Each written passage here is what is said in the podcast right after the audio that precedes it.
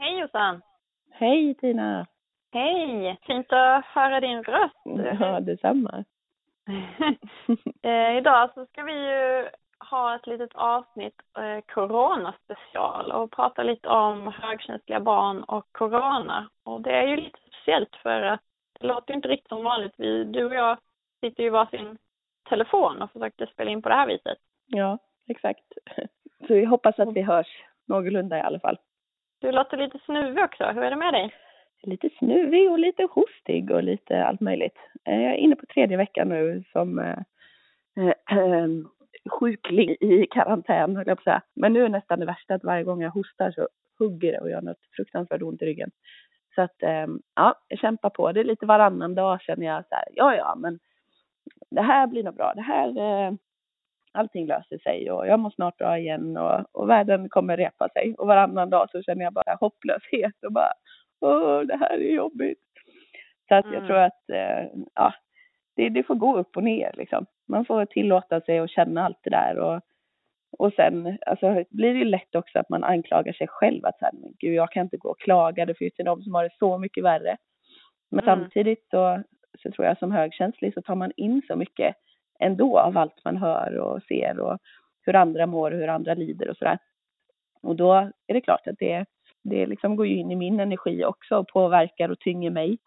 Så att jag tror att jag också måste tillåta mig själv att faktiskt få känna ibland att det är tungt och jobbigt, även fast det finns de som har det värre. Så att, eh, ja, jag tror att man får försöka se vad är mitt och vad är inte mitt och vad kan jag påverka och vad kan jag släppa. Ja, och det är ju lite upp och nervända världen lite nu. Vi skulle ha sett ja, för, eh, var det ungefär tre veckor sedan vi skulle ha sett och eh, mm. träffat och planerat lite grejer ihop och då blev ju du sjuk precis dagen innan och valde att avboka. Mm. Och det, ja, det. det var ju lite speciell anledning också till att jag valde att avboka just med tanke på, på ditt immunförsvar och så. Du kan väl berätta om det. Ja, men precis. Jag är lite nedsatt immunförsvar på grund av att jag har en reumatisk sjukdom. Och då eh, kan man ju, försöka vara lite extra försiktig samtidigt mm. som eh, jag försöker ändå leva livet som vanligt på något sätt. Eller inte riktigt som vanligt, det gör ju ingen just nu. Men att man, eh, det är ju såklart en del oro, men att man inte fokuserar bara på oron utan var, att vara oro, en, orolig en stund och liksom tillåta sig det, precis som du säger. Mm. Och sen släppa det också liksom. Man vill ju inte skapa oro. Om jag går runt och är orolig hela tiden så för jag över det till barnen också. Jag kan inte påverka allting som händer nu. Jag kan påverka mitt agerande och göra de här sakerna som, eh, som de säger nu, liksom tvätta händerna och, ofta och undvika miljöer där det är trångt och sådär. Men försök tänka också det här med att det är ju många som blir bra av det också. Det är ju just nu visar ju statistiken på att många äldre liksom försöka känna sig ja, lugn i det. Mm. Jag försöker också verkligen fokusera på eh, på något sätt eh, den medmänsklighet och värme och det positiva som kan komma ur en sån här samhällskris också.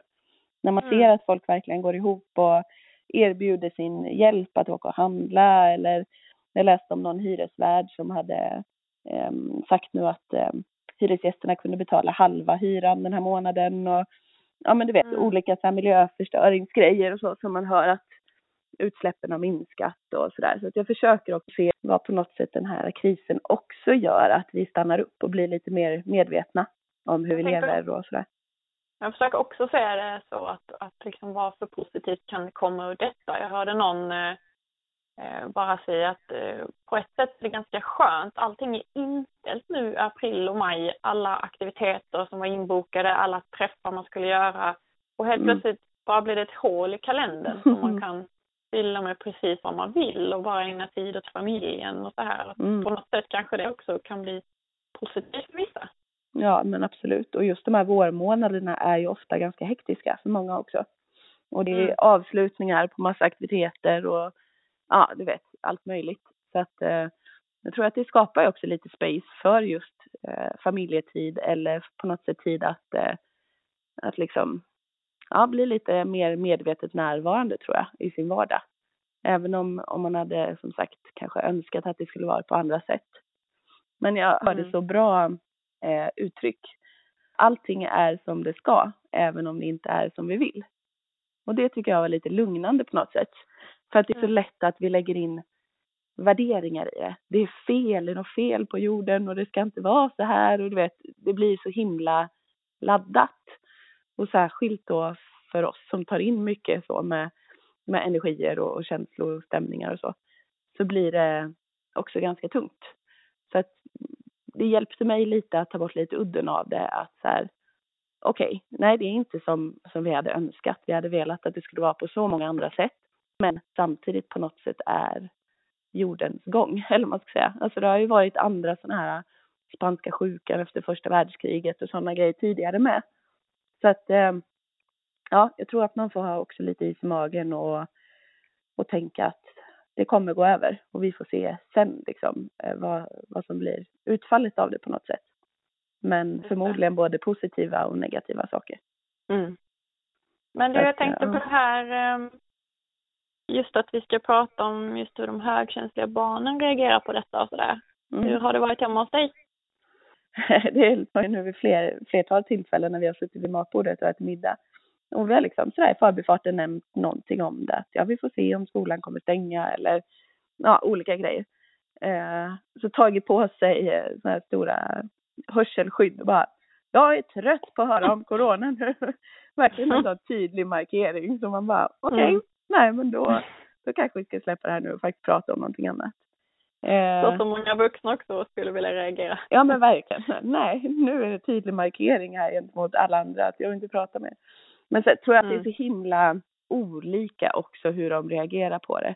Alltså det är klart för många högkänsliga barn kanske har eh, liksom en grundoro för olika grejer och, och sådär. Och då är det klart att det här rädslan för viruset och så kan läggas på det och göra att det blir jobbigare. Och kanske förstärker någon känsla barnet redan har eller sådär.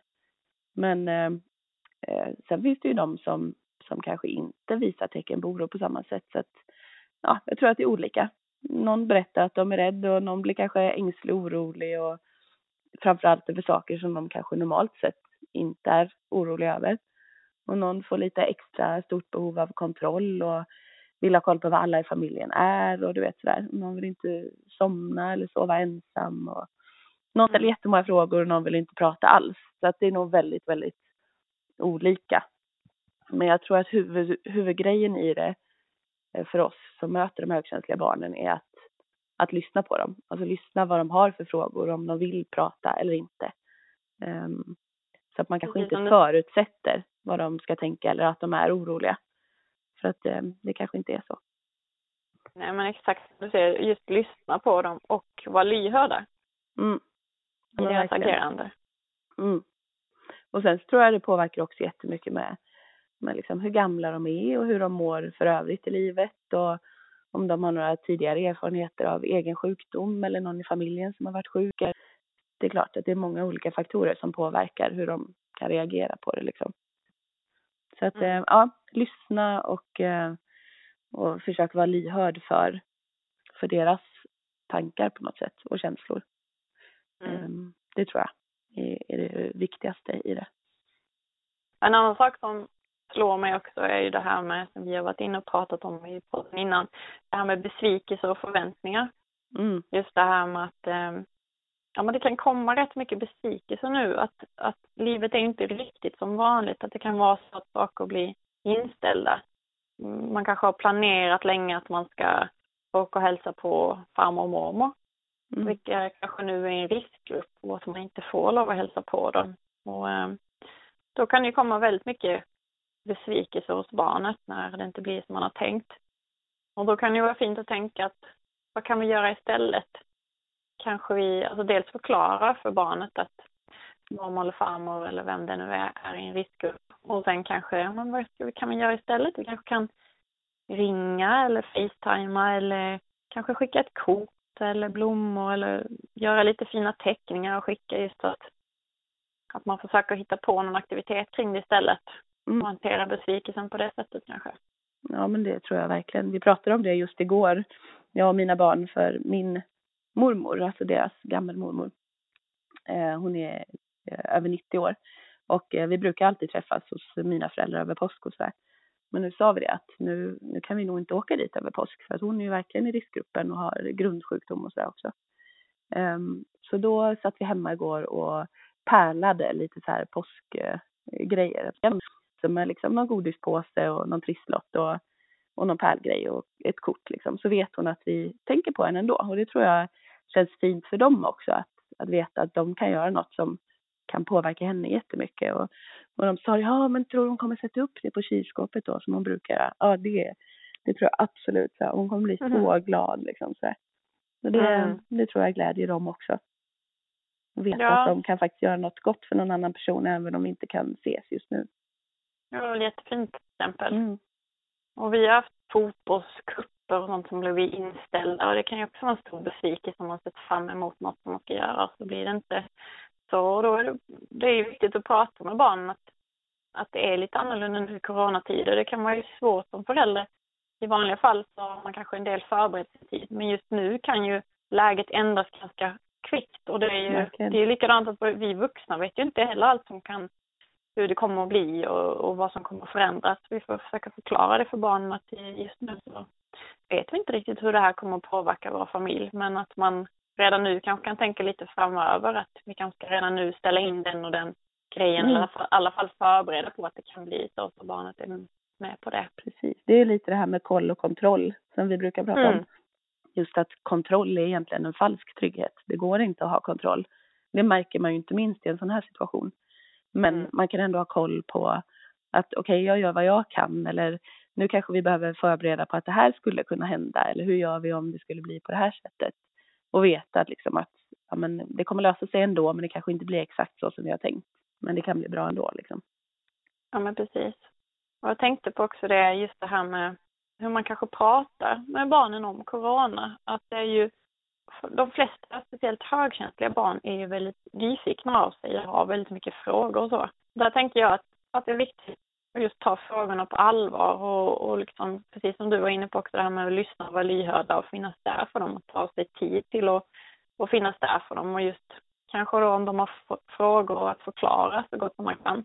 Mm. Och, och just speciellt högkänsliga barn snappar upp och hör och uppfattar så himla mycket mer än vi tror. Mm. Eh, högkänsliga barn benämner man ju ibland som så vuxna. Alltså de tar mm. ju in så mycket, även de riktigt små förstår ju väldigt mycket.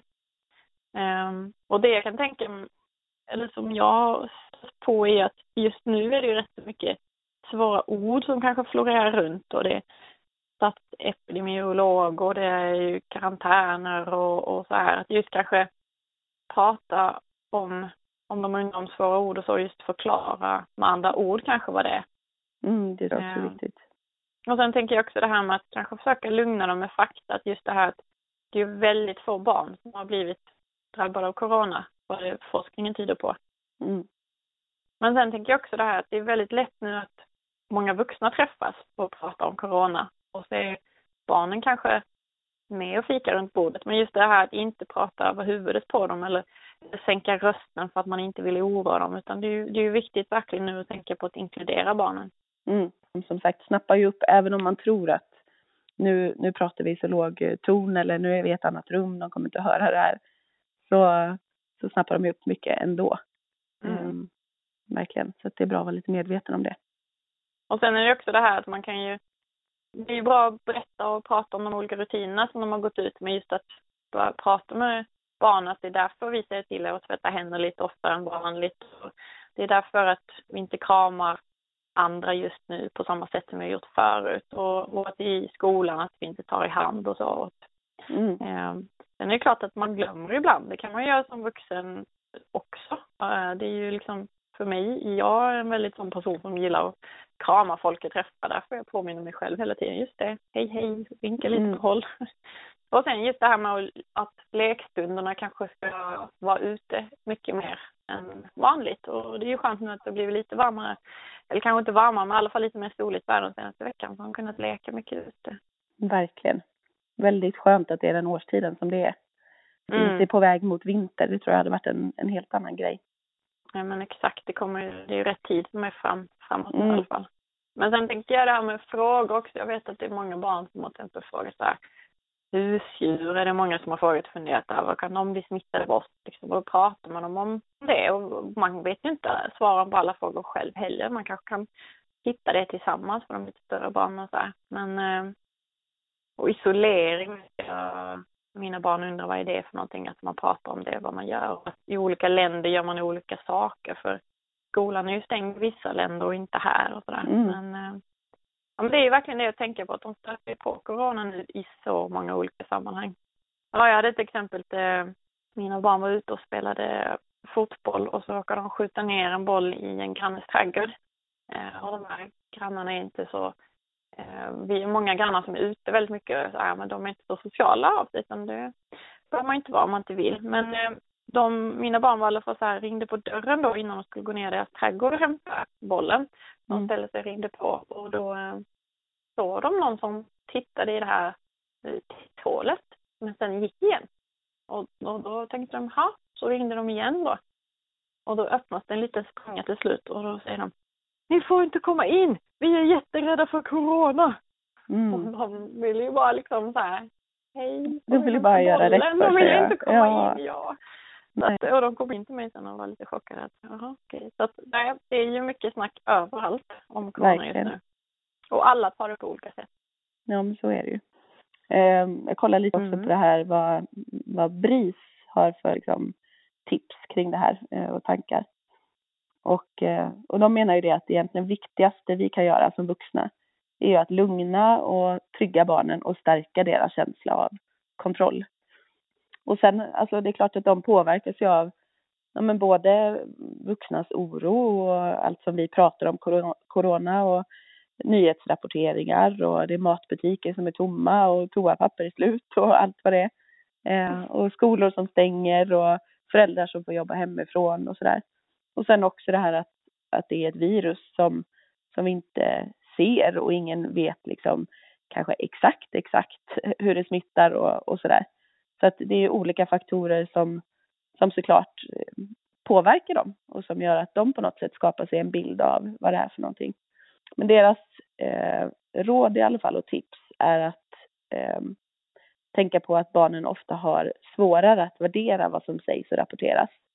Det kan vara svårt för dem att veta, så här, är det farligt eller är det här mer konstaterande liksom? Mm. Eh, så att man inte ska lämna dem ensamma med sina frågor utan försöka att bemöta dem så gott man kan eh, med saklig information liksom, utan att berätta mer än, än vad de frågar om, men försöka att svara liksom sakligt och, och tydligt. Eh, och sen för att kunna lugna barnen så behöver man veta eh, vad de vet. Så att man behöver lite, ställa lite frågor och kartlägga lite. Så här, vad tänker du på eller vad undrar du över kring det här? Så man får lite koll på det. Och om barnen är oroliga då, att man tar reda på vad det handlar om och lyssnar och svarar så gott man kan. Även om man såklart inte har alla svar, för det finns ju nästan ingen som har i det här läget heller. Sen att man också inger hopp och berättar att det är många som jobbar med att ta fram ett vaccin och alla hjälps åt för att försöka begränsa smittan och ta hand om de som är sjuka och sådär. Och att de flesta också blir helt friska sen igen.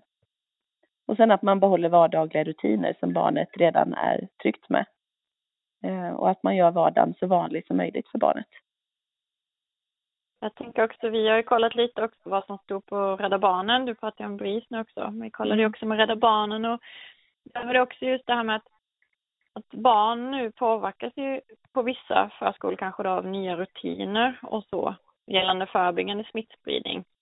Och det kan ju leda då att vissa barn på allvar tror att det kommer att kunna hända något farligt och att man tar den oron då på allvar. Mm. Eh, och sen hör de ju också det här med, som vi har varit inne på, att vuxna pratar mycket om corona.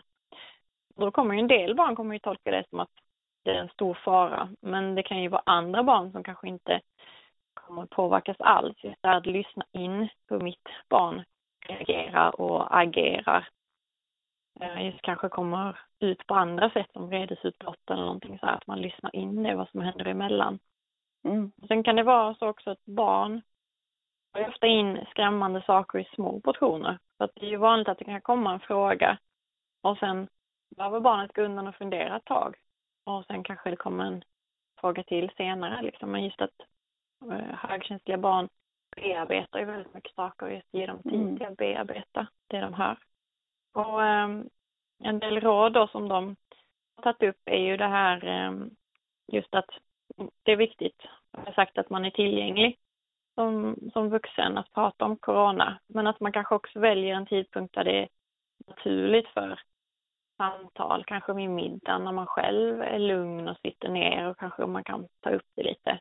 Och sen när det gäller de mindre barnen, de barnen i förskoleåldern, att de ibland kan behöva hjälp att sätta ord på sina tankar och funderingar, att man kanske som vuxna fångar upp dem och som jag sa, om de reagerar ovanligt starkt på någonting, det kan ju vara någon ändrad rutin förskolan som de inte alls gillar, att man lyssnar in det, vad, vad handlar det här om? Och att yngre barn reagerar ju mer på vad vuxna gör och säger.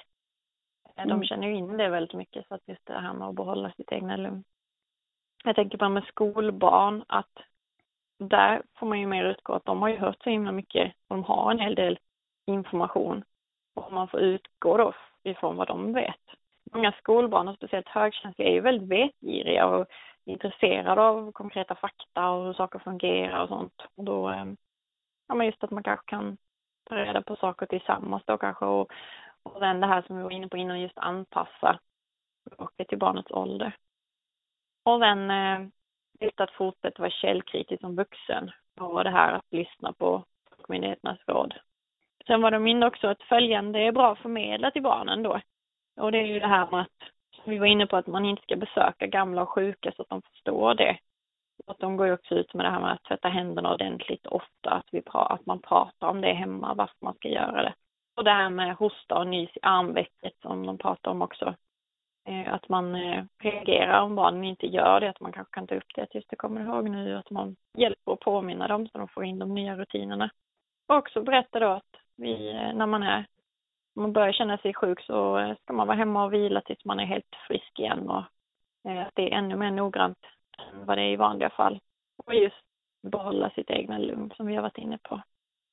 Och sen det här då med alla förändringar i samhället och eventuellt eh, om skolan skulle liksom bli inställd och sådär, hur det påverkar de högkänsliga barnen. Då tänker jag att det är, alltså det är viktigt att i den mån det går försöka att ha samma rutiner som vanligt i vardagen. Eh, och att man liksom försöker se vad man kan göra istället för det man inte kan göra. Det som är inställt och sådär. Och samtidigt, alltså för varje inställd aktivitet så ger det också möjlighet till någonting annat.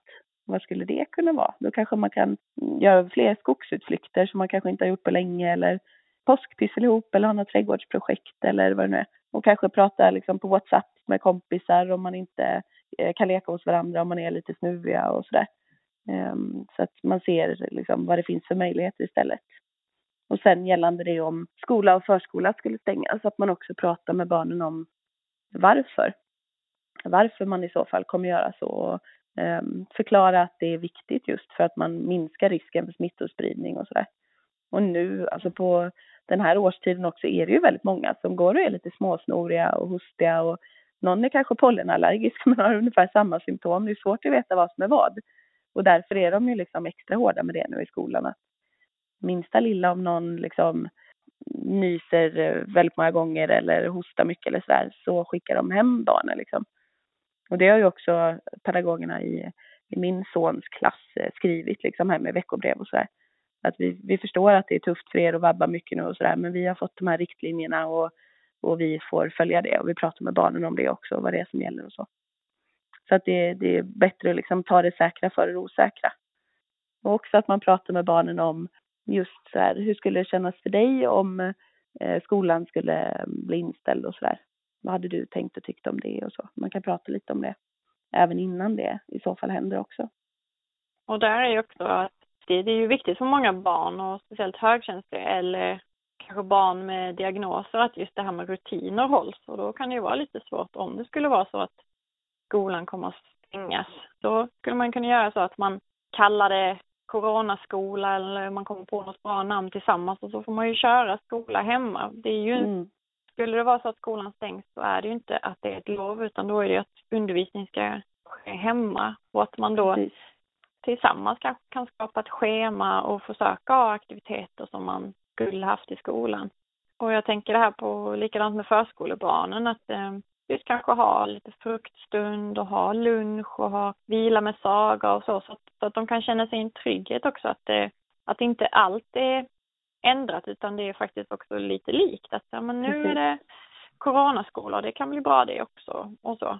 Sen kan det ju vara så att, precis som du var inne att de reagerar ju olika det här med om skolan skulle stängas. Och vissa kanske gillar att skolan skulle stängas och tycker att det är skönare att göra skolaktiviteterna hemma och mm. andra mm. kommer att sakna skolan jättemycket. Mm. Och just det kan vara fint och om du var inne på att prata med barnen innan hur de skulle känna. Det är också väldigt viktigt att ge barnet utrymme att tillåta alla känslor att få komma ut. Jag var inne på oro och besvikelse, men det kan ju också komma ilska eller sorg. Och just att man hjälpa hjälper barnen att sätta ord på dem och prata så att de inte liksom trubbas av. Så att känslorna, det inte blir lika laddat utan att det är okej okay att känna de här olika känslorna. Att det är en ny och ovanlig situation för oss alla. Både för oss vuxna och för, för alla barn. Och att vi behöver eh, få chansen att ställa på det nya och tänka om lite. Ja, det tror jag också är superviktigt. Och det är ju som sagt, det är ju en ny situation för alla nu så att eh, man får försöka och liksom göra det bästa av situationen och eh, bara som sagt vara lyhörd för sitt högkänsliga barns reaktioner. Och man får vara flexibla i samhället, precis som vi faktiskt var idag och eh, spelade in på telefon. Och mm. är det så att det inte blir riktigt samma kvalitet så får det vara så just nu. Lite annorlunda tider. Ja men precis. Tack för idag. Tack för samtalet. Tusen tack själv och mm. krya på dig. Och, tack ska du ha. Och är det någon som eh, vill veta mer om oss så finns vi även på Facebook och Instagram. Där heter jag ju högkänslighetscoachen och du heter? Tankar om högkänslighet. Och så finns vi på våra hemsidor också. Mm. Högkänslighetscoachen.nu. Och tankar om högkänslighet.se. Ta hand om era fina högkänsliga barn. Glöm mm. bort det själva också. Det är viktigt.